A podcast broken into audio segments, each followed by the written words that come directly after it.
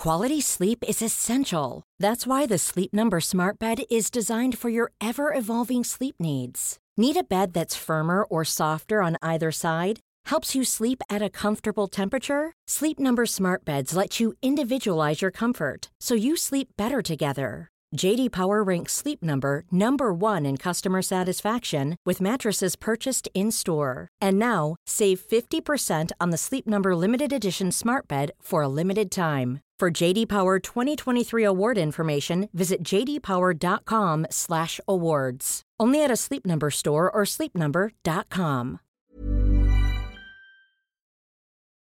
Et, jalousi, det eksisterer ikke i mit liv. Hvis der er jalousi, så er jeg væk. Så stod den bare sådan på et stykke højt belagt med dårlig samvittighed. Altså, jeg tror, jeg havde 50-årskris, da jeg var 30. De relationer, jeg indgik i det her tilfælde, også. Ja. forsøg på parforhold, de var baseret på et falsk grundlag, fordi jeg ikke vidste, hvorfor jeg var der. Det jeg hørte dig sige, det er, at der skal også være plads til, at du er uperfekt. Altså, det er forbudt ikke at have et behov. Men i virkeligheden, så tror jeg, det handlede grundlæggende set om, at jeg var bange for ikke at slå til i det her tilfælde som mand. Hvordan bliver jeg mand og føler mig rodfæstet som menneske ved siden af? Det gør filmen jo også på en eller anden måde. Det forfører jo også en. Måske i virkeligheden på en måde, som de færreste ting kan gøre, uden at man introducerer heroin, ikke? Var det svært for dig at sige, jeg elsker dig? Ja, det var også lidt svært for mig at sige. Hej, jeg hedder Mikkel. Jeg er 42 år gammel, og jeg har en datter på 6. Udover at have en række forliste forhold bag mig, så blev jeg for to år siden skilt fra min kone. Hurra, endnu et ægteskab til statistikken. Det sjove er, at jeg jo faktisk ser mig selv som et tænkende og følende menneske. Og alligevel kan jeg ikke lade være med at stå med fornemmelsen af at være en stor kliché. Tænk, at jeg skulle ende her, sammen med alle de andre mænd, der ikke kan finde ud af det. Og så er jeg træt. Træt af, at jeg ikke har værktøjerne til at få mine forhold til at fungere. Og at det ender det samme sted igen og igen. Jeg har besluttet, at jeg vil tage ansvar for mig selv og finde ud af, hvilken rolle og værdier, der er vigtige for mig som mand. Jeg vil finde min opskrift for mig selv og for parforholdet. I en række interviews taler jeg med mænd, som jeg beundrer for den balance, det virker til, at de har fundet mellem at være mand, have en karriere og samtidig at kunne være i et parforhold. Jeg vil se, hvad jeg kan lære af deres erfaringer, og se om de redskaber, de har brugt, kan gøre mig klogere på mig selv som mand. Så sidder du måske og kan ikke genkende til nogle af de samme tanker og ønsker, jeg har. Så prøv at lytte med. Måske kan min søgen efter en bedre version af mig selv gøre noget for dig i dit forhold. Og hvem ved, måske gør dig til en bedre version af dig selv. Velkommen til Handkøn. Min gæst her i episode 9 hedder Michael Rix. Michael er i min optik en virkelig spændende mand. En mand, der måtte skynde sig med at blive voksen i en alder af bare 19, for der blev han far til sit første barn. Det er en samtale om selv at finde ud af, hvad det vil sige at være voksen, og at selv måtte lede efter sine egne forbilleder. Om at få sin midtvejskrise allerede som 30-årig, og der tage vigtige beslutninger om, hvordan han fremover vil tage ansvar for sig selv og sit parforhold. Beslutninger, som han følger den dag i dag. Og ikke mindst om at se det positive og smukke i, at vi mænd og kvinder er forskellige. Som du måske har lagt mærke til, så er dette afsnit en lille smule længere, end mine episoder plejer at være. Men det er af den enkle årsag, at der kom for mange guldkorn ud af Michaels mund, som jeg ikke ville klippe ud, og som jeg ikke synes, du skulle snydes for. Så jeg håber, du bærer over med mig. Det vil redde mange parforhold, hvis man kan gøre det sådan. Hvis man kan tale om præmisserne. Michael Rix begyndte som tv-producer i B&U-afdelingen på DR, og lavede derefter tv-succeser som Åndernes Magt, På kanten af verden og FC Zulu, før han i 2003 skiftede fra tv til film og begyndte som producer på Nordisk Film. Michael har blandt andet været producer på Asger Lets Haiti-dokumentar Ghost of City Soleil og spillefilmene Applaus, Dirk, Under Sandet samt Paprika Stens Den tid på året fra 2018. Så tænker jeg, at vi skal komme i gang, på med joggingbukserne, finde termokanden frem og lytte med.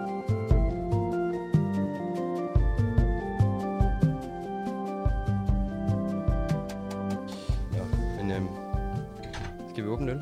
Meget gerne. Okay, Det er stærkt. værsgo. Skål. Skål.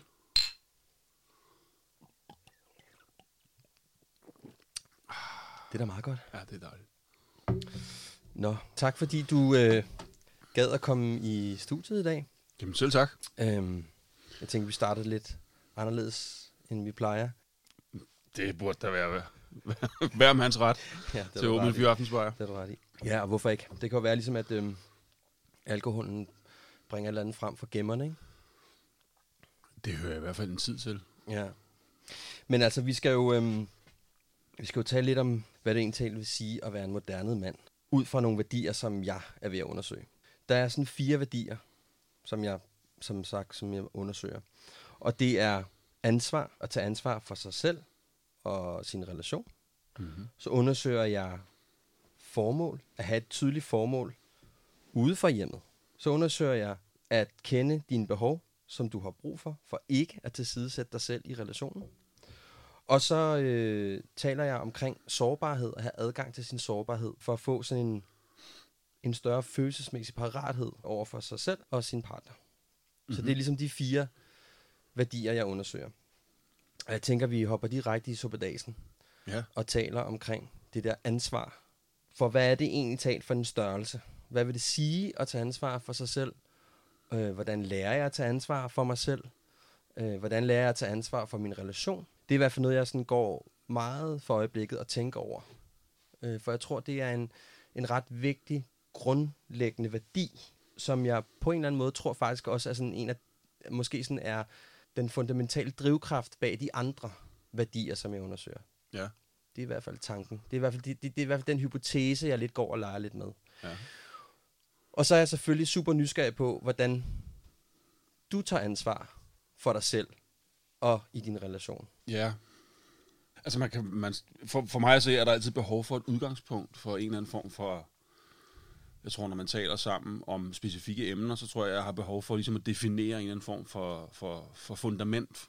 Øh, Jeg tager rigtig meget udgangspunkt i mig selv og de oplevelser, jeg har haft i mit liv, hvor jeg har kunnet mærke, at eller jeg ikke rigtig sådan vidste, hvad mit ansvar var i min relation. Ja. Hvor vigtigt det var, at jeg tog det ansvar. At jeg kan se, at jeg mangler de her definitioner for at kunne definere mig selv Ja. mere tydeligt. Ja. Og i virkeligheden så handler det jo også rigtig meget om at nogle værktøjer, så det bliver helt bliver lidt mere håndgribeligt. Fordi jeg føler meget, at det, der har sket, det er, at tingene bliver meget teoretiseret. At der er forskel på mænd og kvinder. Manden er på den og den her måde. Skulle vi så ikke se, om vi kunne gøre noget ved det? Skulle vi ikke se, om vi kunne lave nogle værktøjer? Og det er ud fra, det er ud fra den præmis, Yes. at vi taler. Vi er en stor, og vi, der mener jeg blandt andet jeg, er en stor generation af mænd, som ikke rigtig har formået i virkeligheden at finde ud af, hvad vil det sige at være mand i 2019? Hvad er det for nogle kvaliteter, jeg skal have? mm-hmm. Og jeg er med på, at der er mange andre kvaliteter, man også skal have. mm. Men det, jeg taler om, siger, hvis du kan mestre de her fire værdier, så er der en ret god chance for, at du kan komme nogenlunde helskindet igennem det. Ja. Øhm, og vi Men uanset seksualitet, så kan man vel også antage, at præmissen er, at man beslutter sig for at leve i tosomhed. det er absolut en præmis for Ja, det her. okay. Så det er med det udgangspunkt, at jeg er nysgerrig på, hvordan har du håndteret din, dit ansvar over for dig selv, Ja. og hvordan du har håndteret dit ansvar over for de relationer, du har været i. Jeg kan jo starte med mig selv, og det er jo sådan set min eneste grundlag for at tale om det her. Ja. det, er min, det er mine egne erfaringer. Præcis. Øh, og som udgangspunkt vil jeg sige, at det har jeg håndteret utroligt dårligt, indtil jeg er blevet en vis alder. Og det tror jeg er utrolig øh, vigtigt at have med i sin betragtning, og med at have med i en, re- en refleksion i det hele taget omkring sit liv, uanset øh, hvad alder man er i. Når jeg antager, at man er i en alder, hvor vi taler som mænd, som har prøvet lidt, eventuelt har haft øh, relationer af længere varighed, øh, for den sags skyld også har, har haft stiftet familie, øh, herunder også med børn. Og hvad, vil det, hvad mener du med, at du var dårlig til at håndtere det? Jamen, jeg startede med at have børn, da jeg var 19. Det, der, der er jeg jo ikke en mand. Øh, der er man stadig teen.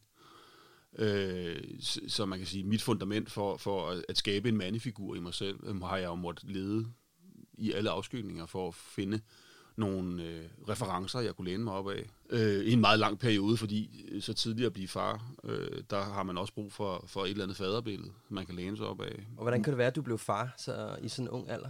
Jamen, det er jo, kan man sige, jeg har svært ved at sige, hvordan. Øh, Jeg, jeg kan godt sådan regne ud fysikken i det. Nej, nej, men, men også, Eller- nu, ja, det er jeg med på, men, men, men, men hvordan er sådan en, øh, en, en, en, en altså, jeg, jeg ved det ikke. Øh, man kan tage den spirituelle hat på, og så kan man sige, at jeg skulle lære et eller andet, øh, som skulle bringe mig et, et andet skridt hen i livet, som gør, at jeg er den, der, den jeg er i dag. Man kunne også vælge at anskue det for, at det, det var en banal dumhed, øh, som øh, man ikke tænker sig om, når man stadigvæk ikke er ude af teens. Øh, på den måde kan man sige, at der, der kan være mange forklaringer på det, men, men, men som udgangspunkt, så vil jeg sige, øh, at grunden til, at jeg nævner det i sammenhæng med at være en mand i dag, er, at forskellen i det her tilfælde, som heteroseksuel mand på mænd og kvinder, øh, er for mig meget tydelig og meget smuk og enormt, og bør omfavnes meget mere, end vi gør i dag. Jeg, så der er sådan et fællesskabs, øh, der er sådan en fælles ting omkring det, som jeg godt kan nogle gange blive meget ked af, at man definerer dem forskelligt. Øh, som en problematik. Mm. Jeg synes, det er sindssygt fantastisk, at vi er så forskellige.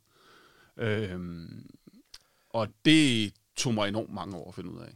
Øh, men en ting har været meget fundamental for mig i den sammenhæng. Det har været, øh, det har været ikke at afvige for meget fra, hvem jeg var og hvem jeg er. Så selvom du måske ikke var så opmærksomhed på dit ansvar, så havde du så selv en eller anden fornemmelse af, hvem du selv var? Eller? Ja, altså jeg tror, jeg tror, jeg tror, øh, jeg, jeg har flere gange hørt ordet kameleon, ligesom være, være, være, være sådan en, en, et omdrejningspunkt for, for, for, for mine tidlige år som voksen øh, hvor jeg hele tiden, og det er, jo, det er jo en form for afsøgelse af, hvem er jeg, hvem er jeg, hvem er jeg, hvem er jeg, så tager jeg den her på, så tager jeg den her på, så er jeg den, så er jeg den, så er jeg den.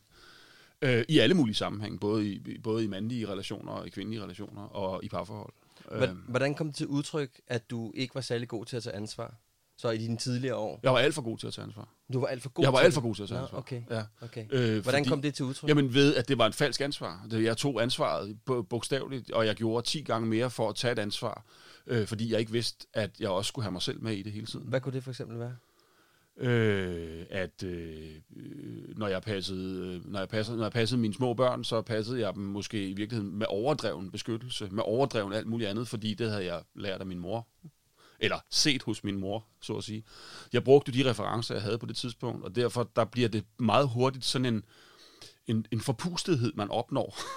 så da man galopperer mod de 30, og man har, og i, det, i mit tilfælde har haft børn i en, en, en 11 år, så, øh, så er der pludselig sådan en eller anden form for... Altså, jeg tror, jeg havde 50-årskrig, da jeg var 30, hvis man kan sige det sådan.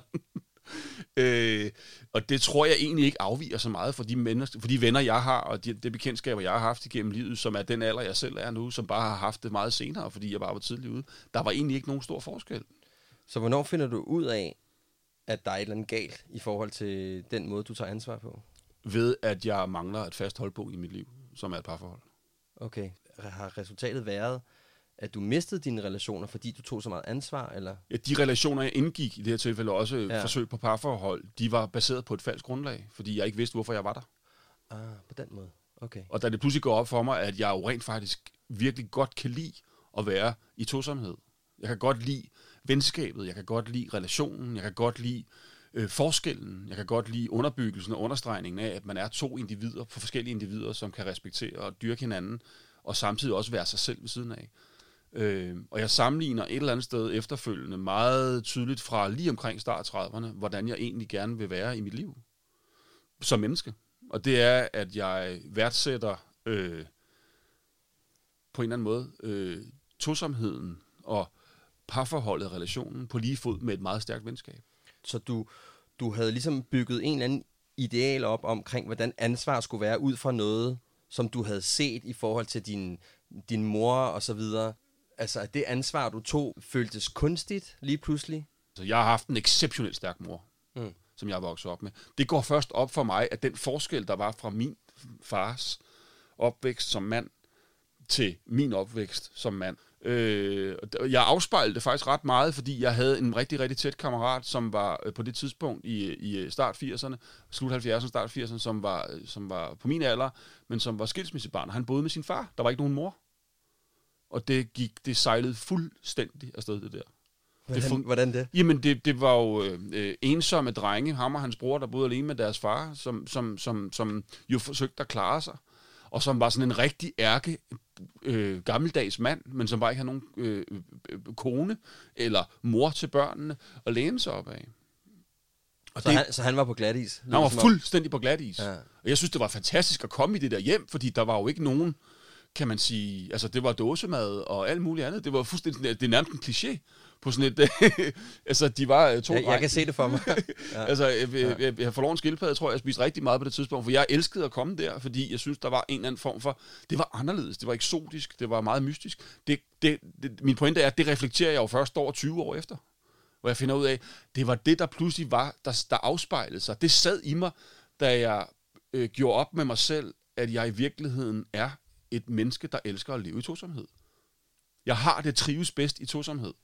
Og, og så har det, når jeg har taget det valg, en ekstremt vigtig pointe for, hvordan jeg indgår i, i en relation.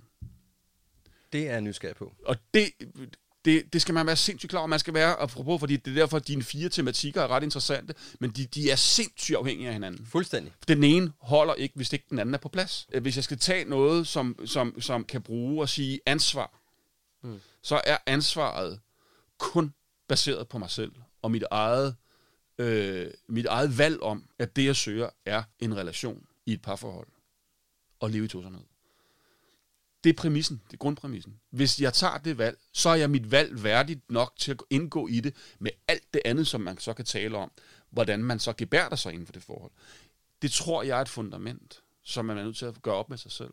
Øh, jeg tror, det, der er vigtigt og essentielt, det er, at de fleste kvinder, tror jeg i hvert fald, som jeg kender i min generation, føler jeg er ekstremt fokuseret og målrettet, ubevidst eller bevidst, på den kultur, de lever i, for at tage en beslutning om, hvornår de gerne vil hvad. Øh, og jeg er fra naturens hånd fuldstændig øh, øh, sikker på, at øh, det bio, biologiske ur har en betydning for både mænd og kvinder lige meget. Manden har brug for at erobre og iværksætte og stifte og få noget til at leve, og kvinden har behov for at modtage og, og vise, at det der, det kan leve. Og den grundpræmis, tror jeg, man skal være meget klar over, om det skal være i tosomhed eller i ensomhed. Der sker noget der i 30'erne, i starten af 30'erne, du finder ud af, at øh, ej, jeg vil faktisk gerne en øh, tosomheden. Det er vigtigt for mig.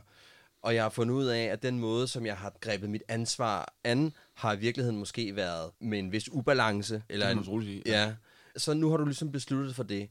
Altså, hvad, hvordan, hvordan tager du så dit ansvar til dig, når du nu har den der? Jamen, jeg bliver meget bevidst om, at jeg skal... At jeg, bliver, jeg bliver langsomt meget bevidst om, at øh, den dynamik, som jeg leder efter, skal være et, øh, et, et, et, skal ikke være et spejl af mig selv. Det skal være noget, jeg kan læne mig ind i og læne mig op af. Og det skal være noget, som jeg kan føle, at jeg kan stå og vedkommende, som jeg søger en relation til, kan læne sig op af mig. Fuldstændig banalt. Altså en ligeværdighed. Og så vil jeg sige, også på det tidspunkt, en ret klar definition på, at jeg ikke skal pretende. Og hvad betyder det? Det betyder, at jeg skal have lov til at være følelsesmæssigt, uanset hvordan jeg definerer sig ind det. Jeg skal kunne føle mig som den, jeg er. Jeg kan sagtens øh, fremkalde rigtig, rigtig mange gange fra mit liv op igennem, op til, til omkring øh, start 30'erne faktisk, måske lidt senere også af og til, fordi der var en reminiscens af følelsen af at være dum. Hvordan, hvorfor fik du den? Jamen, jeg bildte mig selv ind, fordi jeg ikke er gået på gymnasiet, fordi jeg tog masser af, masser af alle mulige andre uddannelser. At det handlede om at være intellektuel, det handler om alle mulige ting. Så det var fordi, jeg skulle have noget at, at kalde det. Men i virkeligheden, så tror jeg, det handlede grundlæggende set om, at jeg var bange for ikke at slå til. Fordi jeg følte, jeg famlede rundt øh, i min identitet. I det her tilfælde som mand. Hvordan bliver jeg mand? Og føler mig rodfæstet som menneske ved siden af uden at skulle øh, agere i alle mulige former. Og der kan det jo kun være, tror jeg, de nærmest... Jeg må gerne gå ud i verden og sige, nu tager jeg til New York og tager en rød hat på, så kan jeg få lov til at være en mand med en rød hat. Og nu tager jeg til London, eller nu tager jeg til Timbuktu, og får lov til at gå rundt i, i, i Bermuda shorts og være en tredje mand.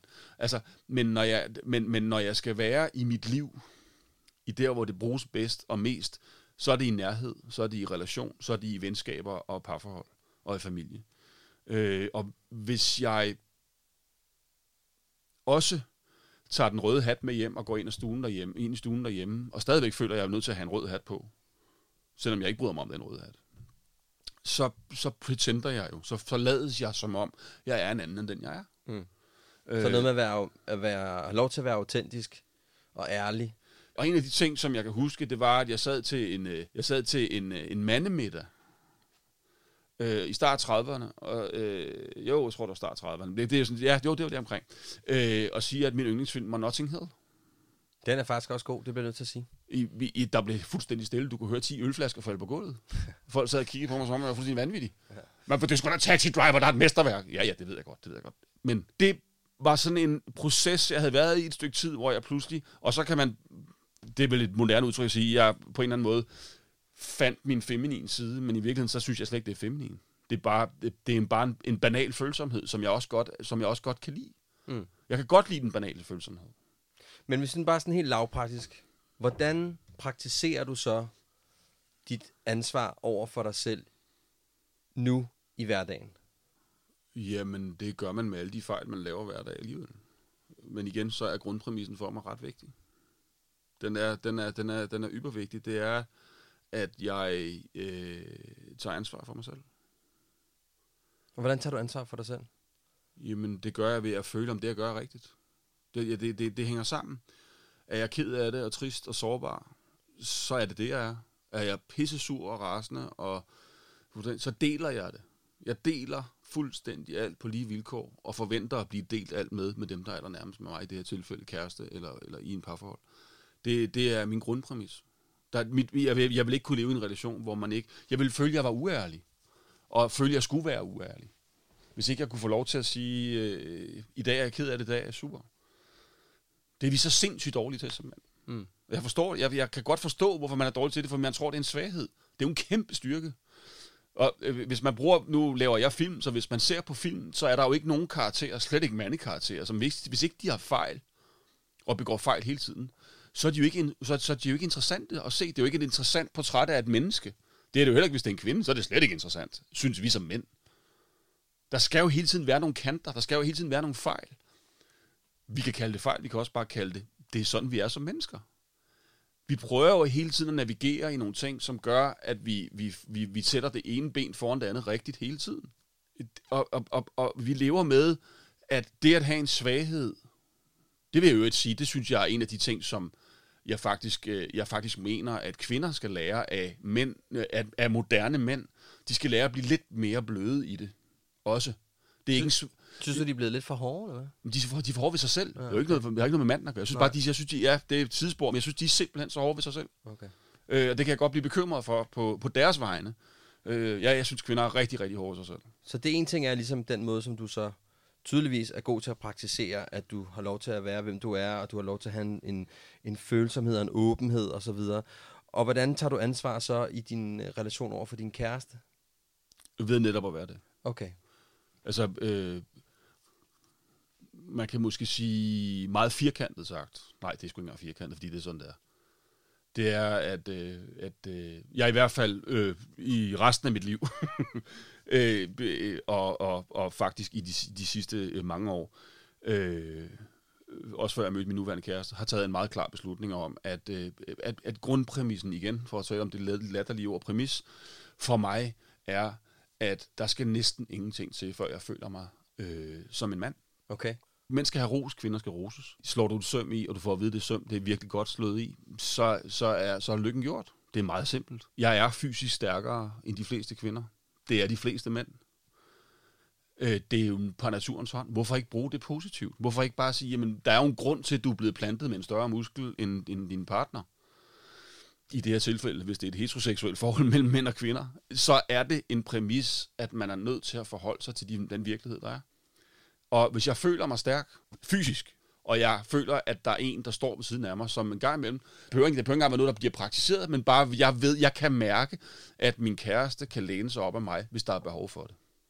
Og omvendt, så er det lige så vigtigt for mig, at jeg kan udtrykke, så kan du kalde det et behov, du kan kalde det en præmis, hvad som helst, at øh, det er noget, jeg har brug for. Mm. Hvis det er ikke præmissen, du indgår i en relation på, så kræver det også, at jeg efterlever den, for den har jeg selv sat. Hvordan fungerer det her ansvar, når det er, at det ligesom sådan er i hverdagen? Mm-hmm. Det er jeg lidt nysgerrig på, fordi det er jo sådan en ting, som jeg synes, der har været svært for mig at sige sådan, jamen, hvad er det, jeg skal være opmærksom på, og hvad er det, der foregår? Og... Jamen, jeg vil sige til dig, prøv at høre her, hvis du har taget en, hvis du har taget en beslutning om at leve tosomhed i et parforhold, og få dig en kæreste, så indgå i den præmis med dig for dig selv, og sig til dig selv, det her, det her, det er det, jeg vil det her, det er det, jeg vil. Det her, det er det, jeg vil. Mm. Når du har sagt det til dig til, til rigtig mange gange, og du så tager valget, og finder den partner, eller leder efter den partner, mm. øh, og den partner matcher, så skal du på fra, grund, fra, fra, fra, fra, fra starten af være klar over, at det er det, du vil. Og når du vil det, så kræver det også, at du, ligesom du gør garanteret med din allerbedste ven eller venner, har dem i tankerne mere end en gang om dagen. Og at du er opmærksom på, at folk har det godt omkring dig, som du holder af. Mm. Så lige så vel som du, øh, jeg ved ikke om du har børn, men hvis du har, øh, hvis du har et barn, så er du opmærksom. Sådan er det også, øh, når du har en kæreste, eller en partner, eller en kone, eller hvad du har. Og sådan er det også omvendt. Mm.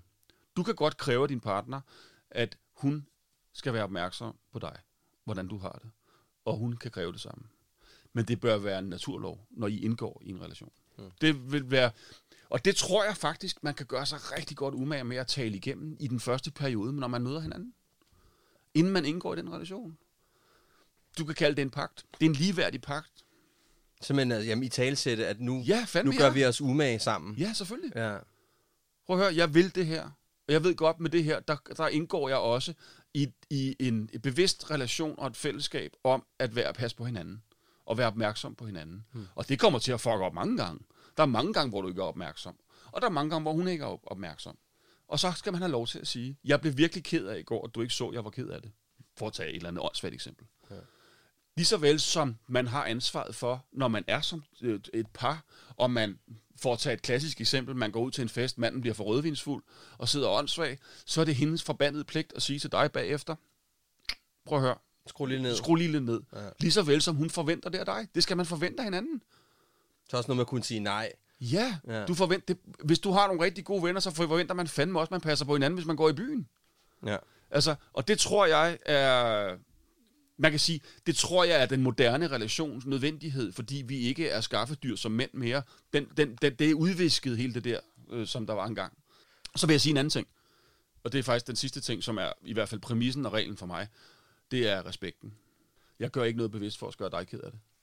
Jeg plejer nogle gange at joke med det der, de der HV-spørgsmål. Det er det, man altid finder. Hvorfor er der ikke øh, tømt opvaskemaskinen? Hvorfor, hvad, hvem, hvad og hvor? Hvorfor? Altså, man kan sige, det som udgangspunkt er jo en en naturlig del af vores sprog at stille spørgsmål til hinanden. Nå, hvorfor spørger du mig om det? Eller hvorfor siger du det? Eller hvorfor har du gjort det? Eller hvorfor har du ikke gjort det? Det er nok mere det, der ligger i relationen. Men der kan man sige, det kan man også sagtens lave en regel om. Så kan man lave en regel, der hedder, prøv at høre, det her, vi, vi griber fat i nu, det er øh, med udgangspunkt i, at vi har en aftale om, at når du siger, hvorfor har du ikke gjort det? Så kan du sige, måden du kan møde det på som mand, det kan være, øh, fordi jeg gerne vil drille dig. Fordi jeg gerne vil gøre dig ked af det. Altså brug ironiens magt. Mm. Det er skønt. Der er ikke noget bedre i kærlighedsrelationer og forelskelser, øh, sex, alt muligt andet. Ironi er fantastisk. Jeg elsker ironi. Fordi ironi er med til at punktere alvoren af noget, som vi prøver at bygge op, fordi vi hele tiden vil skabe problemer for hinanden. Og det, det, det, det, og det skal man lade være med. Jeg kan da være fucking irriteret på min kæreste, stort set hele tiden. Jeg kan også vælge at sige, prøv at høre, hvor må det være fucking irriteret at være frustreret hele tiden. Der er en kæmpe forskel. Og det gør, at jeg bygger et værn op inde i mig selv, som gør, at jeg, det behøver ikke at handle om mig, fordi min øh, elskede er frustreret. Jeg, jeg, jeg, jeg skal ikke tage hendes ting ind, og hun skal ikke tage mine ting ind, og det er vi så sindssygt dårlige til at navigere i. Så tager jeg, Nå, men er det mig, der er noget galt med? Er det, er det hende, der er noget galt med? Hvorfor gør hun det? Hvorfor siger jeg det? Hvorfor er han det? Hvorfor fanden er han sådan en idiot? Ja, men vi er bare vildt dårlige til at indrømme, at, at vi har det sådan, ikke? Vi er så dårlige til det. Ja. Kommuniker for helvede. Og indgå i en relation, når du bliver forelsket, og der er og gensidig forelskelse, og man den største forelskelse har lagt sig, man begynder at nærme sig et parforhold, hvor man kan sige, er vi kærester? Ja. Få skabt nogle grundpræmisser for hinanden. Det er så nemt at snakke sammen. Hmm. Og der er ikke noget, der er ulovligt. Der er ikke noget, der er forkert. Og så træder man ved siden af, så taler man om det ud fra det udgangspunkt. Men hvis præmissen er der, så, det, så, så, så, så, så er det, man dummer sig med, eller det, man glemmer, eller det, man ikke gør, det er nemmere at tale om. Og det er en præmis, som, som, som jeg i hvert fald kan mærke, gør mig virkelig, virkelig øh, glad som mand. Du lytter til Handkøn, en podcast om at genfinde mandens identitet. I dag med film- og tv-produceren Michael Rix. Du kan også følge med på Instagram. Søg på Handkøn Podcast, hvor vi prøver at komme endnu tættere på mandens identitet. Jeg tror, det at have et klart formål er meget vigtigt for min og generelt mænds selvopfattelse. Det er fra min side af bordet i hvert fald, tror jeg, enormt vigtigt for ens selvbillede. Ja. At man ved, hvad det er, man går ud og kæmper for i situationstegn, når man går ud af døren. Jeg har oplevet, at i store dele af mit voksenliv, der vidste jeg egentlig talt ikke rigtigt, hvad det var, jeg ville. Altså når jeg sådan kigger tilbage, faktisk ikke rigtig sådan været opmærksom på, hvor meget det egentlig talt eroderede mit selvbillede, at jeg ikke vidste, hvad det var, jeg gerne ville. Så jeg tror, det er enormt vigtigt, at man som mand har et meget klart formål. Hvad er det, som jeg sagde før, hvad er det, jeg går ud og kæmper for? Jeg er ikke så nysgerrig på det, der er derhjemme, fordi der, som vi lige talte om omkring med det med ansvaret, det ligger lidt implicit, som mm. jeg også synes faktisk er meget interessant, når vi står og taler sammen her nu, at sige, jamen det at tage ansvar derhjemme, Mm. det er, det, det er jo en del af det formål, der hedder at være en god far, eller en god mand, eller hvad det nu kan være. Mm. Jeg taler om det formål, der er ude af butikken. Og derfor så er jeg selvfølgelig øh, lidt nysgerrig på, om du ved, hvad dit formål er. Øh, overhovedet ikke. Nej. Nej. Og det har jeg heller ikke nogen ambitioner om at finde. Hvorfor har du ikke det? Jamen fordi, så tror jeg, jeg vil lede efter en nål- i en hovedstykke resten af livet. Og det tror jeg, jeg kan bruge så meget krudt på, som kommer til at skade øh, de ting, som jeg har besluttet mig for, og som jeg kan mærke og har taget valg omkring. Men, hvor, men, jeg men hvorfor er det så ikke, du er, hvorfor er du så ikke bager? Altså, hvorfor er det, du er filmproducent? Det er, er interesse. Men det har ikke noget større formål, end at øh, føle sig privilegeret nok til at lave noget, der interesserer mig, og så samtidig leve af det. Det kan man jo selvfølgelig også kalde et formål. Øh, jeg kalder det et privilegium. Øh, Men hvordan er du kommet frem til at, Ja, at producere film? Hvor, altså, hvor, hvor, hvor starter vi henne? Altså, hvad, hvad startede du med at lave? Jeg startede med at være fascineret med film, øh, fra da jeg var barn, og øh, sprang øh, til 10 led over og var håndværker, og øh, blev øh, lavet tv i mange år, og det kom naturligt, øh, med en ambition om, at jeg på et eller andet tidspunkt gerne ville lave film, øh, når, når jeg følte mig stærk og voksen nok til at gøre det. Det har lidt været sådan en... Øh, så skete der det, så skete der det, så skete der det, så skete der det. Og så pludselig så opstår der en eller anden form for, øh, kan man sige, et clash mellem to ting, som gør det muligt for mig at tage et skridt. Øh, selvudvikling, tror jeg. Jeg har levet meget af virkeligheden. Og så, øh, og med, jo, du kan sige, for, i jagten, i jagten på at øh, flygte ind i noget, som ikke var en virkelighed, synes jeg er fascinerende. Altså fiktion. Altså en eskapisme? Ja, men vi bruger, altså bruge virkeligheden til at sætte den sammen i den rette, øh, i, i den rette dosering, som så gør, at vi, bliver, at, vi, at, at vi kan blive forført. Jeg elsker at blive forført. Jeg er sindssyg romantiker. Og jeg kan ikke, jeg, altså, jeg kan ikke få romantik nok. Øh, det kan være på alle planer. Øh, jeg elsker romantik, jeg elsker flørt mellem mennesker. Også mellem mænd og kvinder og alt. Øh, jeg kan godt lide at blive forført. Jeg kan godt lide at få den her... Jeg kan også godt lide når det virker, så bliver man på en eller anden måde fuldstændig opstemt øh, og glad. Du siger jo ligesom til mig, at du jo sådan fra starten af, i en meget ung alder, kan huske, at du øh, var ret vild med film. Du synes, det var spændende. Mm. Så var du godt nok lige noget håndværker, hørte jeg dig sige. Mm. Og så vender du sådan lidt tilbage til at lave film og tv og Ja. så videre. Ja. Så jeg tænker sådan, er det ikke på en eller anden måde et formål, at du sådan tænker, det her, det synes jeg er interessant. Altså, du kunne jo lige så godt have valgt at blive ved med at være håndværker, du kunne have valgt at blive bager, mm. men du vælger trods alt filmen, Ja. og det at fortælle nogle historier går ud fra. Jeg hørte dig tale om sådan en eskapisme, Ja. også, ikke? Jo. Nu skal jeg prøve at blive for terapeutisk, men det er ligesom det, jeg hører dig sige. Ja, ja, ja. Så er det ikke på en eller anden måde et, et formål, du beskriver der? Jamen, jeg tænker, Men altså, mit eget formål ja. kan du godt have ret i. Nej, det har du ret i. Selvfølgelig er det det. Altså formålet med at skabe mig en identitet, det er jo det, vi alle sammen gør. Uanset hvad vi vælger. Så, så, så er der nogen, der ikke har valgene, men, men, men, men, men, men at jagte, kan man sige, et eller andet, bevidst eller ubevidst, der tror jeg, der, der, der tror jeg helt klart, det kan man jo godt definere som et formål. Men et formål kræver jo også, altså ordet mål kræver, at man når et eller andet sted hen så hvis du, hvad hvis du så ikke lavede film, hvad lavede du så? Øh, så tror jeg, jeg var kok. Jeg kan godt lide at please andre. Jeg kan godt lide at forføre andre. Jeg kan godt lide at give andre noget. Øh, jeg kan godt lide at skabe noget, som andre har glæde af. Det ligger jeg slet ikke skjul på. Jeg kan også godt lide at glæde mine, mine nærmeste øh, hele tiden. Jeg, jeg, er en- jeg, er en- jeg er en total pleaser. Men det trives jeg sindssygt godt i. Det, giver, det, var, det, var, det har jeg aldrig trives i. Eller det har jeg aldrig kunne definere, indtil jeg øh, øh var i start 30'erne. Men, men siden da har det ikke været et problem for mig at definere. At, at det, jeg trives sindssygt godt i at så skabe, øh, kan man sige, glæde i andre. Øh, Så er, det, er der noget formål der? jeg er god til to. Jeg føler mig, jeg føler, jeg er god til to ting. Jeg er virkelig god til at please, og jeg er virkelig god til at forføre. De to ting sammenlagt set er nok et formål for mig, hvor jeg trives allerbedst. Og det kan man sige, det gør, det, Ja, det er så virkelig det- også, hvis man er kok, så forfører man Ja, det måske kan man også på en eller anden... Nå, jamen, jeg tænker bare sådan, nu står jeg bare sådan lige og filosoferer lidt på din vegne, ikke? Men altså, jeg tænker da, det der med at lave noget god mad øh, til ja. nogen, det der med at få dem til at føle sig godt tilpas, og en lille amuse bouche, og hvad det nu ellers Præcis, kan være, ikke? præcis. Altså, det tænker jeg måske også sådan er en måde at, øh, at forføre og gøre folk godt tilpas og sådan noget, ikke? Ja. Og, og jeg kan ikke lade at tænke sådan, det, har, det, det gør filmen jo også på en eller anden måde. Det forfører jo også en. Måske i virkeligheden på en måde, som de færreste ting kan gøre, uden at man introducerer heroin, ikke? Det er totalt Eller- drug. eller- ja, jo, jo, men det er drug. Altså, det, Ja. det prøver altså, når det lykkes, og det gør det ikke altid, men når det lykkes at lave en god film, når det lykkes at lave en god, noget god mad til, øh, til, til, til forhåbentlig nogen, der spiser det, øh, og, og, og er der. Øh, Jeg er utrolig dårlig til at lave mad til mig selv. Det siger mig intet. Altså, jeg, laver, jeg spiser færdigretter, hvis jeg er alene. Jeg kan huske, jeg kunne, det, det, det siger mig ingenting at lave Ja, mad det kender jeg godt. det er så håbløst.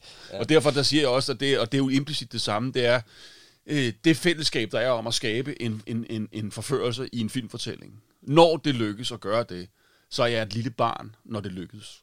Men det synes Jeg jeg, er er stortuder, når jeg står Ja. nede i en sal, og det, er, det lyder som forfærdeligt, men jeg kan forstå ude bag en dør i en biograf på en film, jeg har lavet, og kigge ind og se et publikum, der sidder og nyder det, om de griner, græder, Hi, I'm Daniel, founder of Pretty Litter. Cats and cat owners deserve better than any old fashioned litter. That's why I teamed up with scientists and veterinarians to create Pretty Litter.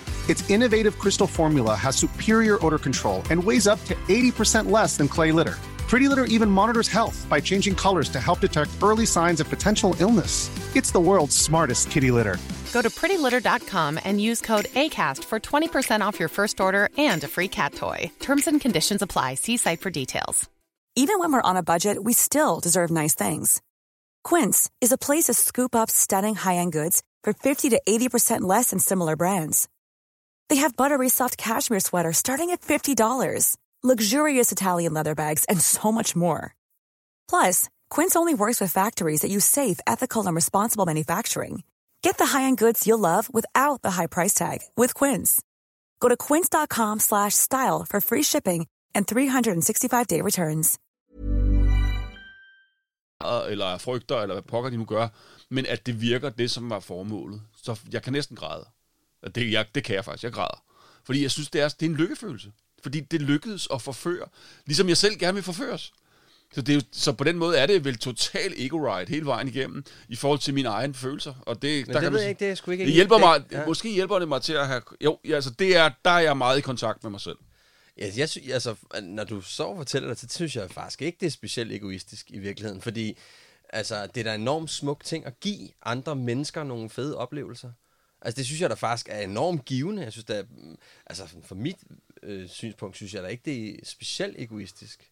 Nej, men det, men det, nej, nej. Jeg, nej, ved nej. godt, det, jeg ved godt, det giver noget oxytocin og alt det her. det er Jeg sige, med der, på. der vokser en masse ting i en, en Ja. lykkes. Ikke? Det er en lykkefølelse, så Ja. det er lidt drugs, øh, man, man, leder, man jagter. Ikke? Jo. Så tager det nogle gange mellem 4 og 5 år at lave en film, så der er langt, der er langt imellem rosen. Der er langt men, når mellem trippene. men, når, men når den er der, ikke, så, så, så, så lykkes Ja. det. Hvad giver det dig? Og, og nu tillader jeg mig at sige, at give dit bidrag. Ja, ja, det, det gør fuldstændig instinktivt, at jeg føler, at jeg kan løfte hele verden. Og øh, bring it on, jeg skal nok løse alle problemer i hele verden. Og jeg føler mig sindssygt stærk og sexet og alive. Wow. Så, øh, altså, øh, så kan du komme med hvad som helst. Så, så kan jeg løse det hele. Hvis du nu skulle, øh, jeg ved ikke om det kan, om, om, om du har et bud på det, men hvis det nu var, at du skulle give et råd til andre mænd om, hvordan de skulle finde deres formål, mm. hvordan finder man det? Jamen, jeg, jeg bliver nødt til at sige, at man er nødt til, at, man er nødt til at, du er nødt til at jagte din mave. Du er nødt til at finde ud af, hvor du føler, det, hvor, hvor du føler dig tilpas henne. Du kan ikke tænke dig til det. Du kan ikke lyve. Jeg tror simpelthen ikke på, at du kan lyve. Du kan, gå, du, du, du kan gå ind af hvilken som helst dør og pretende. Det er mænd ret gode til. Vi er ret gode til at, at, at være i de rum, vi kan være i. Eller vi, vi så træder ind i. Der kan, der, vi kan godt navigere det der. Der har vi nogle forser. Men meget ofte tror jeg, at mænd lyver meget for sig selv. Og meget ofte tror jeg, at jagten på den rene følelse af, det her, det var godt. Det tror jeg, vi er ret gode til. Men udtrykket, det her, det var godt. Fange den og blive i det, det er mænd generelt meget dårlige til. Så du tænker, hvis man kunne finde, hvis man kan fange det der, øh, den der fornemmelse og mærke, hvornår den er til stede i, en- i en periode, eller... Ja. Ja. Altså, lev i det, lev i det, lev, lev, lev i... Øh, Altså være opmærksom på det, eller, eller hvad, hvad, hvad mener du? hvor er det, du mærker, at du har dig selv nærmest, og det gør dig instinktivt glad. Eller godt. Du kan mærke det godt. Men Jeg synes, det er sindssygt interessant, det du siger, det der med, altså, det går lige op for mig, mens vi står og taler her, ikke? Jeg skal lige prøve at se, om jeg kan formulere mig her, ikke? Ja, ja. Men i virkeligheden kan man sige, at når det er, at jeg bidrager med det, jeg gerne vil, og jeg får noget tilbage igen, Ja. som gør mig glad på den autentiske måde, mm. så er det måske en måde, at man har fundet et formål. Eller man har måske har fundet sit formål. Giver det mening? Forstår du, hvad jeg mener? Ja, jeg tror, det giver mening på mange planer. Jeg tror også, det giver mening til... Øh, ja, jo, men, jamen, det er det. det er, altså for mig at se, er det i hvert fald det, der er, hvis du kan kalde det formålet. Det er jo et gentagende formål, der hele tiden kører for mig hele tiden. Det er, det er at... Det Jamen, er, altså, at, at, det gør, at det gør en glad, ikke? Altså, Jo, eller, eller det. når man, når man, at når man sender noget ud, at man så får noget igen. Og det, og, altså, ja. den glæde, man får ved, at det, det man har sendt afsted, ja, jeg kan sgu ikke, for, jeg kan sgu ikke Nej, men prøv at høre. udtrykke det. Man forstår, altså, Jamen, forstår du, hvor jeg vil hen, ikke? Ja, ja, jeg er med, jeg er med, jeg er med. Men øh, vi bliver Har du lidt... ikke en øl til? Jo, du tror, jeg har. Jeg skulle, jeg skulle have købt nogle flere. Nej, nej, det er fint. Øh, det har jeg. Du lytter til Handkøn. En podcast om at genfinde mandens identitet. I dag med film- og tv-produceren Michael Rix. Der ligger nu ni afsnit af Handkøn, med ni meget forskellige mænd med meget forskellige holdninger til det at være en moderne mand. Du kan blandt andet høre afsnit med Tur Lindhardt, Jeg tror ikke bare, at ture er farligt. Jeg tror at se det at fejle som en nødvendighed. Manu Saren Lige pludselig så står man og kigger og tænker, hvor blev følelserne af? og Lasse Spang Olsen. Hun var ekstremt utro. Altså hun var mig, og jeg var pludselig min ekskone. Hvis du ikke allerede abonnerer på Handkøn, så hent dem der, hvor du downloader din podcast. Hvad er egentlig mine behov? Hvad er det, jeg har brug for, så jeg ikke tilsidesætter mig selv i relationen? Jeg havde for nylig en gæst, som øh, fik mig til at tænke over øh, det her med at ture at sige sine behov øh, sådan højt, var forbundet med en vis skyldfølelse, fordi jeg sådan per definition ikke var super god til at tage ansvaret for at deltage i sine daglige ting. Og især hvis jeg havde sådan arbejdet meget i perioder, så stod, der bare, så stod den bare sådan på et stykke højt belagt med dårlig samvittighed og en tilsidesættelse af alt, hvad der hed mig. Og det, var, altså, det var fuldstændig sådan, som jeg så det for min banehalvdel. Men jeg synes bare, at, men jeg synes bare, jeg, jeg, sådan, jeg, jeg havde bare sådan en, en, en, et eureka moment omkring det, og sagde sådan, jamen, i virkeligheden, så handler det her måske i virkeligheden om, at jeg er skide dårlig til at tage ansvar. Og når jeg ikke ved, hvordan jeg skal tage ansvar, jamen så kan jeg jo ikke komme og sige til dig, hey, jeg har de her behov. Og så giver det mening. Ja, både og. Jo, jo, jo, jeg forstår godt, jeg, jeg, jeg forstår godt, hvad du siger. Jeg forstår også godt, hvad, hvad det er, der bliver udtrykt.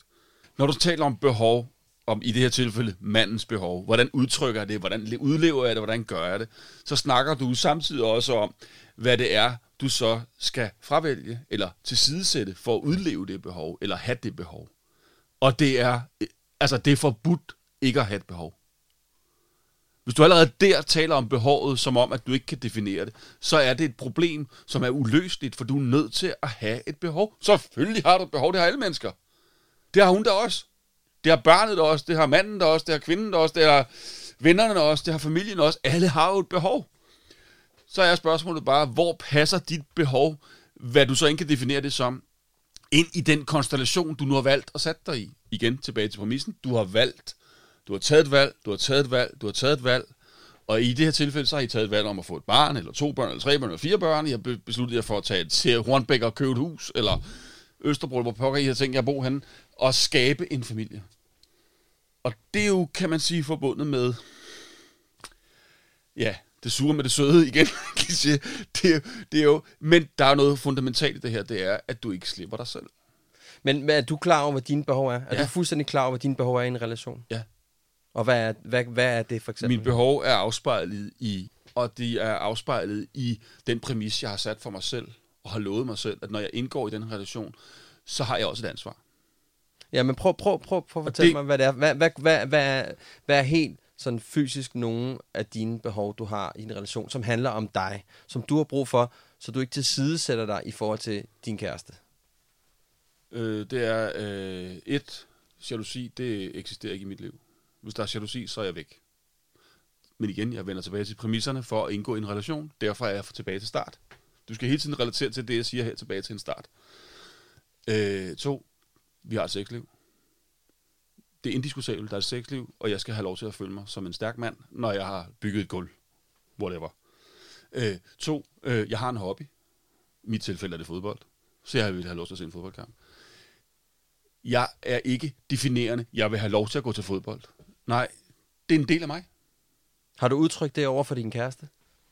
Eller var det bare Ja, sådan- ja, ja, ja, jeg siger, jamen, jeg, Mm. jeg, jeg, er jo, altså, hvis vi skal have et liv sammen, så jeg har jo de her fodbold hver uge, og det er jo, det er jo noget, som jeg værdsætter meget højt det med til at identificere mig, men det er også, det er yoga for mig, for jeg kan flygte fra mit job, fordi mit job kræver enormt meget øh, tilstedevær med min mentale her, og her kan jeg gå ind i en verden, hvor jeg så øh, kan, kan bruge nogle andre redskaber. Det kan være hvad som helst i det her tilfælde. Så det er mit yoga.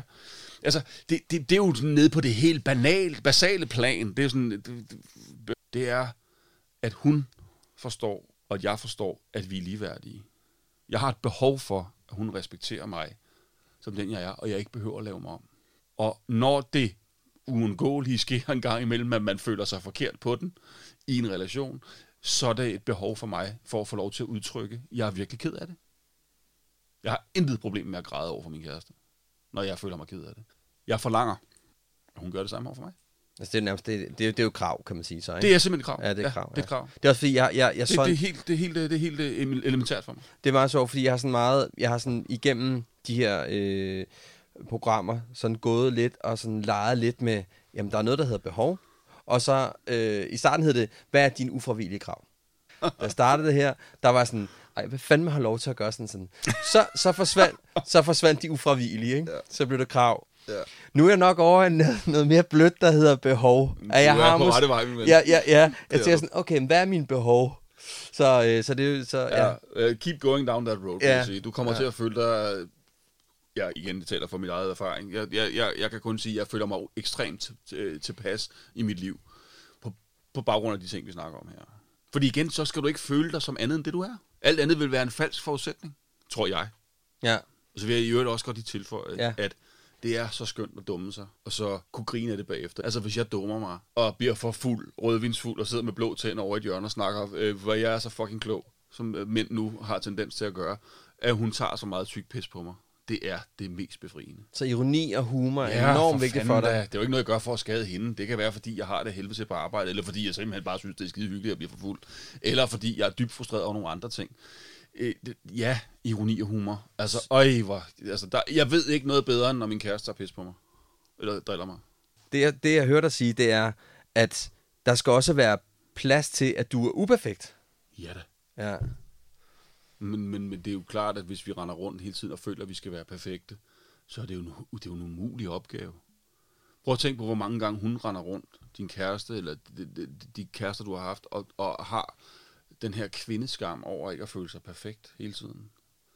Altså, kvindeskam kommer jo af mændene. Det er jo også der skaber kvindeskammen. Fordi det er sådan en eller anden form for ting, fordi vi er så, igen, springfyldt med selvtillid og lækkert hår, ikke? men vi har så ufattelig dårligt selvværd, når det kommer til stykket.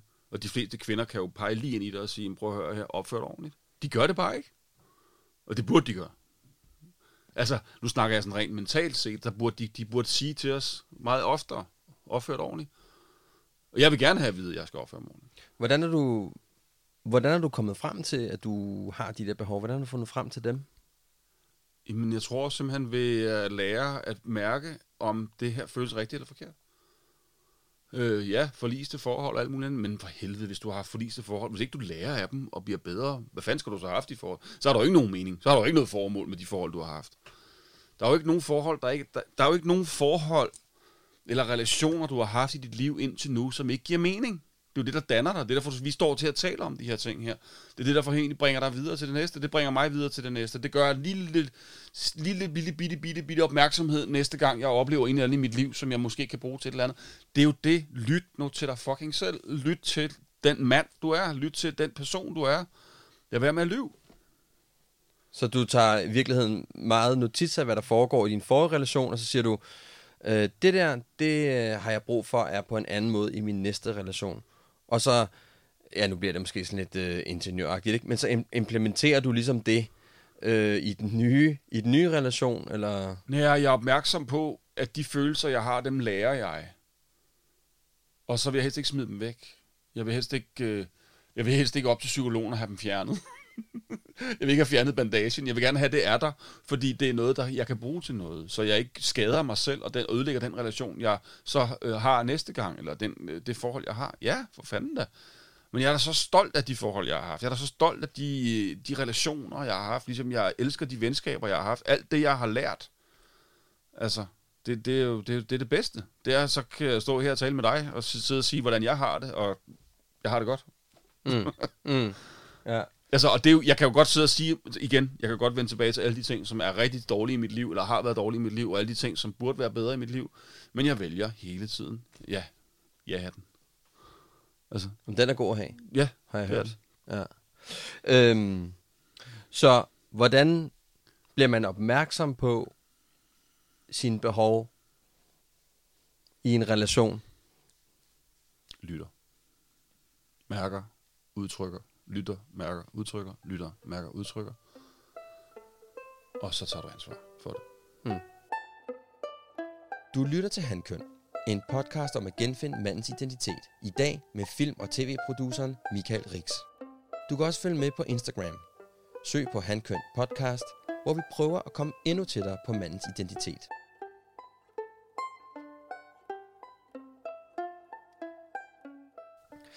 Nå Michael, jeg har jo, øh, jeg har, jo, øh, jeg har jo gemt den sjoveste til sidst. Det kan jeg forstå. Øh, og når jeg siger den sjoveste, så er det jo med en vis sarkastisk undertone. Ja. For det er jo min nye utilpassede ven, sårbarheden, som jeg har lært at kende her for nyligt. Mm-hmm. Det virker til, at det er i hvert fald den værdi, der forvolder de fleste af mine gæster mest udfordringer. Inklusivt mig selv. Der er ingen tvivl om, at jeg ligesom mange andre mænd aldrig sådan rigtig har lært at have en naturlig forhold til min egen sårbarhed. Og det har jo også kostet mig en del på min, øh, på min privatkonto. Fordi jeg simpelthen har været en... Jeg har været en analfabet, når det kommer til at have følelsesmæssig adgang til mig selv. Øh, Kan, kan du prøve at definere lidt bedre, hvorfor du mener, at sårbarheden for dig har været så svær? Altså, hvad er det, der, hvad er det, du føler, der er svært? For mig har det været meget svært at udtrykke mine følelser over for en kvinde. Okay. Så når jeg skulle udtrykke noget over for en kvinde, så har jeg basalt set følt mig som en mandsling. Eller jeg, jeg har følt mig svag, ja. Jeg har følt mig... Øh, jeg, har, jeg har haft en idé om, at hvis jeg var sårbar, så var jeg svag, og så ville hun ikke kunne lide mig. Ah, ja. så var det jo et problem, fordi så ville hun jo gå fra mig.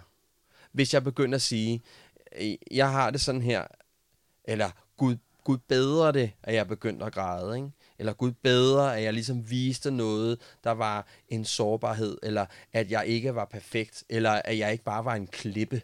Okay. Så, så, så, så er det på den måde, jeg mener, at sårbarheden har forvoldt mig mange problemer. Jeg er helt klart ved at blive venner med den nu Ja, ja. og har brugt rigtig meget tid på det. Men jeg kommer ikke fra et miljø, hvor det var, at man talte om det. Og når jeg taler miljø, så mener jeg jo min, min mor og min far. Ja, ja, hvor man kommer fra. Ja, ja det, det, det var ikke noget, som var en, en del af det at være en mand, Nej. eller være en dreng dengang. Det må du skulle selv finde ud af. Mhm. Ikke? Mm.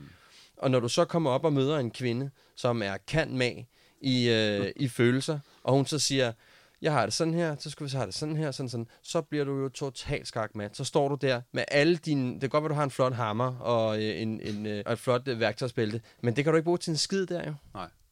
Så, så for Må, mig... må, jeg, må jeg spørge dig om noget Ja, konkret? selvfølgelig må du det. øh, for, for lige at, at, at relatere til, det, til, til, til din egen oplevelse. Øh, var det svært for dig at sige, jeg elsker dig? Ja, det var også lidt svært for mig at sige. Ja, Ja. fordi det hænger jo for mig at se rigtig meget sammen. Jamen, det kan jeg godt følge. Ja, det var det. Fordi det er jo en sårbarhed. Så udstiller du dig selv, fordi du udtrykker dig. Ja, fordi du For sætter, du har det. du sætter dig et sårbart sted. Altså, jeg bliver nødt til at indrømme, at jeg gør mig umage for at fortælle min datter, at jeg elsker hende. Ja. Jeg er opmærksom på, at jeg skal sige til hende, jeg elsker dig. Og jeg elsker hende. Selvfølgelig elsker hende. Hun er det mest fantastiske, der nogensinde er sket for mig. Mm. Øhm, øh, hun har lært mig, hvad, hvad, altså hun har fandme lært mig, hvad sårbarhed er. Mm. Øhm, men jeg skal huske mig selv på, jeg skal øve mig selv i at sige, jeg elsker dig, skat. Ja. Vi ses på om otte dage. Øh, hvis man nu har sådan en ordning, som jeg har. Ja, ja, ja, jeg forstår. Ja. Jeg forstår. Øh, så så, så øhm, ja, det har været rigtig svært for mig at sige, øh, jeg elsker dig. Må jeg give dig et rigtig simpelt råd? Ja, det vil jeg vildt gerne have. Hvis du starter fra nu af, og så de næste måned med 10 gange om dagen, siger du til dig selv, Mikkel, jeg elsker dig. Mikkel, jeg elsker dig. Mikkel, jeg elsker dig. Altså, jeg skal sige til mig selv? Til dig selv. Ja. Og så transformerer du det efter en måned over på at sige, mindst en gang om dagen skal du sige til en, du har nær, i det her tilfælde din kæreste eller din datter, jeg elsker dig. Hmm. Så har du så det et problem løst på to, måneder, på to måneder, og så viser du i den grad, at sårbarhed er en kæmpe styrke. Det er sgu da et håndterbart værktøj. Det er sindssygt simpelt, ja. og jeg taler af erfaring. Okay, du har, selv, ikke, du har selv gjort ja, det? Ja, ja, der er slet ikke noget galt i at gå rundt som mand og sige, det er akavet. Det, det, det er jo en akavet situation for dig, fordi du ikke er i kontakt med det naturligt. Du skal da fucking lære det. Ja. Og hvis ikke der er nogen, der har lært dig, så skal du lære det selv. Hvor mange ting tror du ikke, kvinde, hvor mange tror du ikke, din kæreste, eller øh, din ekskone, eller hvad det nu hedder, går rundt og har øh, øh, omvendt helt. Altså, hun skal forstå, at du er inde og se fodbold. Du står, hvorfor skal du stå på Brøndby Stadion eller FCK? Der? Altså, det, det er jo principielt det samme. Der viser hun også en sårbarhed, fordi hun ikke synes at forstå det. Hun pretender, at hun synes, det er i orden, du står på det fucking stadion.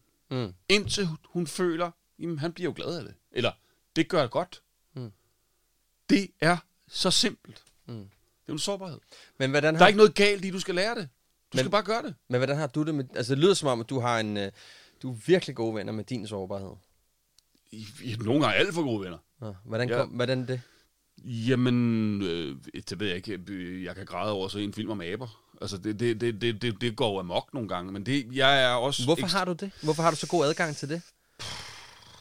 Jamen, jeg don't know, jeg ved det ikke. Altså, det, det, det, det, jeg, har, jeg har nok altid været ret følsom.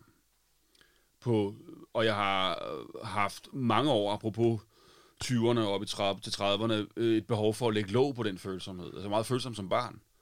Øh, Hvorfor skulle du lægge låg på? Jamen, fordi det var usejt, apropos hvad vi taler om. Det var sådan, det, hvad fanden, hey, hey, hey, du skal også være, så videre, så videre, apropos det der med, at øh, ja, jeg elsker heavy metal og sådan noget, men jeg kan også godt lide pop herovre, men jeg siger det ikke til nogen, så jeg lytter til pop, da jeg var teenager, i, når ingen andre var der, ikke? Øh, altså, og så pludselig finde ud af, når man bliver voksen, når man bliver ældre, og man begynder at få sit eget ansvar, og begynder at tænke, fuck, altså, who fucking cares, om jeg kan lide Notting Hill eller ej?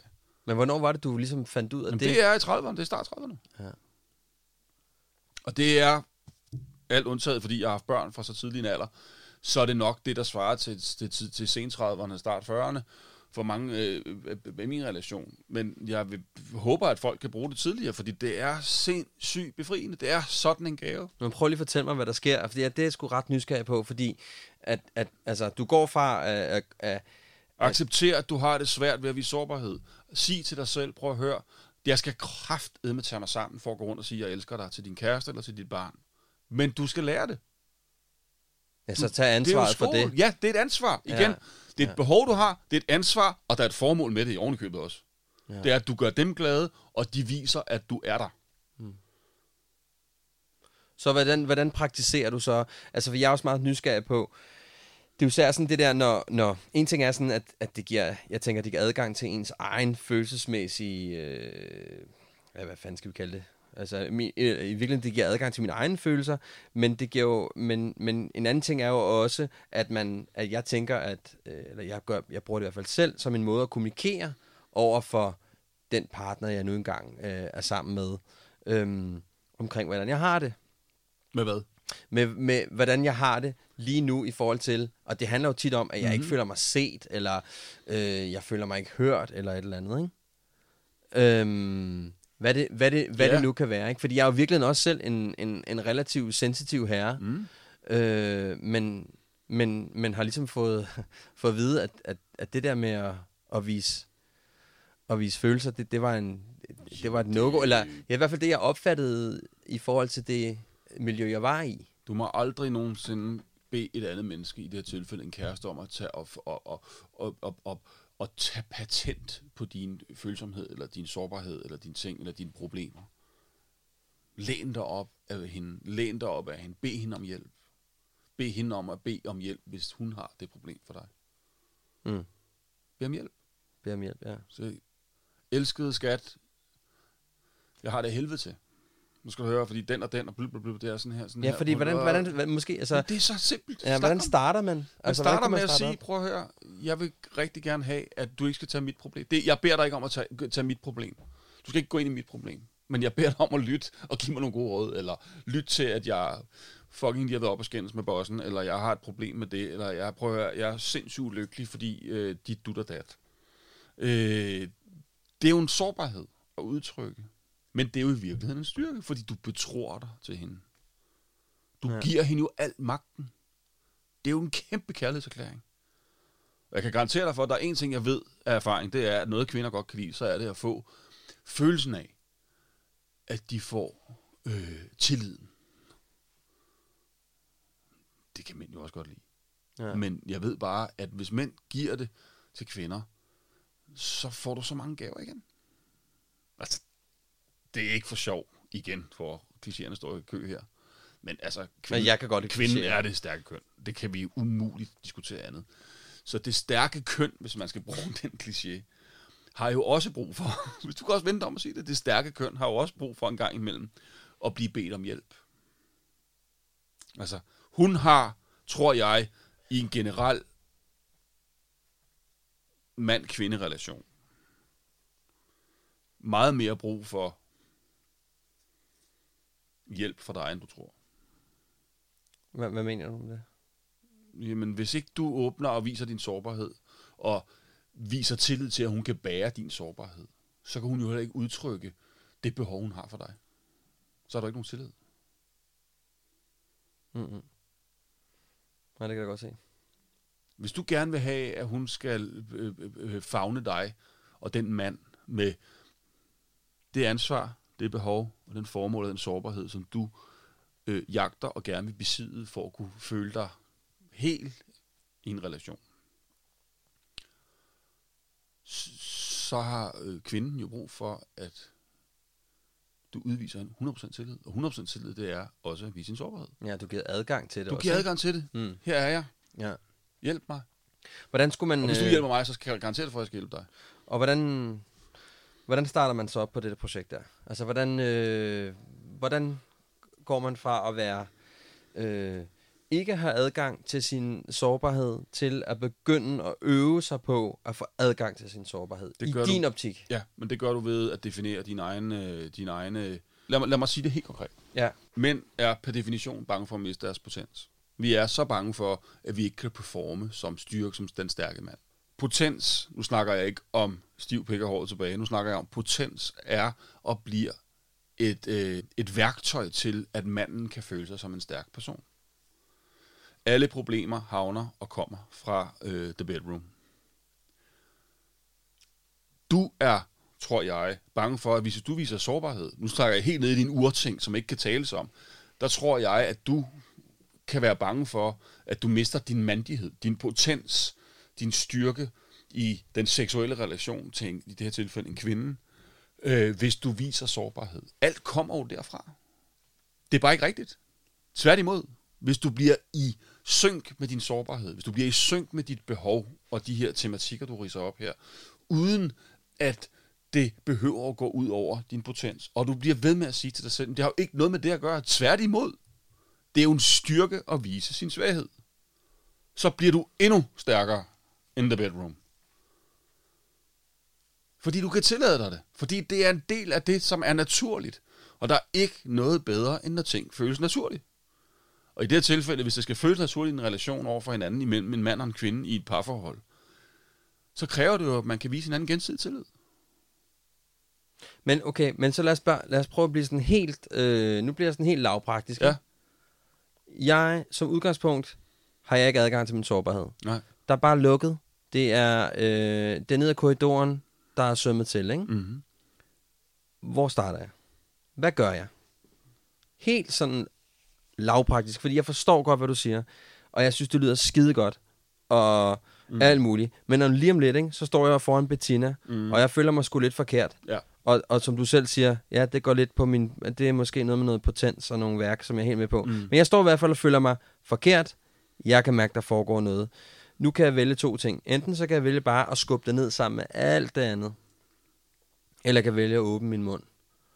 Du starter med at sige 10 gange om dagen til dig selv, jeg elsker dig Mikkel, jeg elsker dig Mikkel, jeg elsker dig Mikkel, i de næste 30 dage. Ja. Så siger du det til din datter, så siger du det til Bettina. Og hvad, giver, og hvad giver det adgang? Altså, hvad, hvad gør det så helt fysisk? Hvad, hvad fanden gør det? Det, jeg tror, i overdrevet forstand, så giver det dig en følelse af, at du repetitivt gør noget så meget, så det til sidst føles naturligt. Og hvor tit skal jeg så, altså, hvor, hvor mange gange skal jeg gøre det der? Så skal du sige til dig selv, når du har øh, gjort det for dig selv i en måned, ja. så skal du sige til din datter, tror jeg da, øh, en gang om dagen, jeg elsker dig. Du skal sige til din kæreste en gang om dagen, jeg elsker dig. Og så skal du give dig selv 30 dage til at sige, at til sidst så ligger det så meget på net hen. Du kan sætte det ind i en kalender til at starte med. Du kan sætte det ind på din øh, smartphone og sige, øh, reminder, reminder, reminder, reminder. Så kan du måske, for at være smart, gøre det. Tirsdagen siger du det klokken om morgenen, og om onsdagen siger du det om aftenen, og om lørdagen så åbner du et glas vin, og så siger du det lige timingsmæssigt. Så begynder du langsomt at lære det til sidst. Og så sidst så pludselig så føler du en sindssyg naturlighed ved det. Når du føler en naturlighed ved det, så kan du tage et skridt videre. Så kan du, når I er knaldet, så kan du sige, jeg elsker dig. Hmm. Det går ikke. Det, jeg, jeg tvivler på, at du har sagt det rigtig mange gange i dit liv. Det er der ret mange mænd, der har sagt det lige efter, man har knaldet. Nej, det har jeg sgu ikke sagt Nej. mange gange. Prøv at gøre det. Ja. Tving dig selv til at gøre det. Tving dig selv til at gøre det. Prøv at gøre det. Prøv at gøre det. Prøv at gøre det. Og vi skal lære, Mikkel. Du er nødt til at lære det.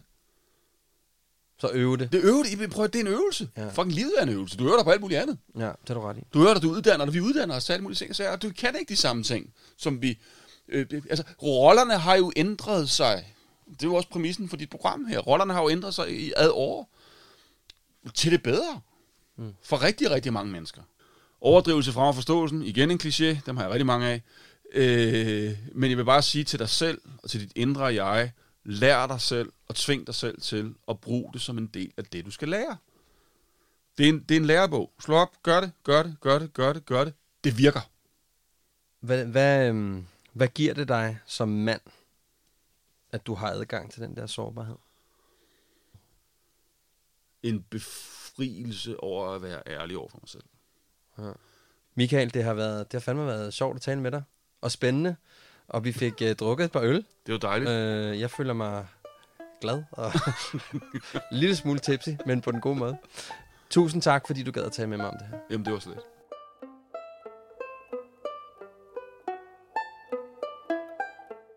Og med en lille fin promille i blodet, sagde jeg så farvel til Michael. Det var interessant for mig at møde en mand som ham, som aktivt på den måde har taget så tydelig stilling til hans eget ansvar her i livet. Og at det ud fra en klar præmis, der hedder, at han vil tosomheden. Og når han har valgt den, så står han på mål for den. Han taler også passioneret om, at du er den du er. Du er fuld af fejl, men stå ved dem, for det er den eneste måde, du kan drage nye erfaringer. Del dine tanker og følelser med din partner, og forvent det samme den anden vej. Det styrker kun jeres relation. Det var også ret befriende at høre hans syn på manden og kvinden. At se det som noget positivt, at vi er forskellige, i stedet for at insistere på en ligeværdighed på alle punkter. I årets sidste episode af Handkøn, der udkommer den 19. december, får jeg besøg af skuespilleren, tidlig stand-up-komiker, radiovært, fotograf, iværksætter og ikke mindst tv-vært Tim Vladimir. Så der er lidt at glæde sig til, for det bliver i den grad en spændende samtale. Mere vil jeg ikke afsløre. Og så skal der gives en lille krammer til Gustav Jungren for lån af hans gode musik til mit podcast. Tak fordi du lyttede med, og på virkelig fint genhør.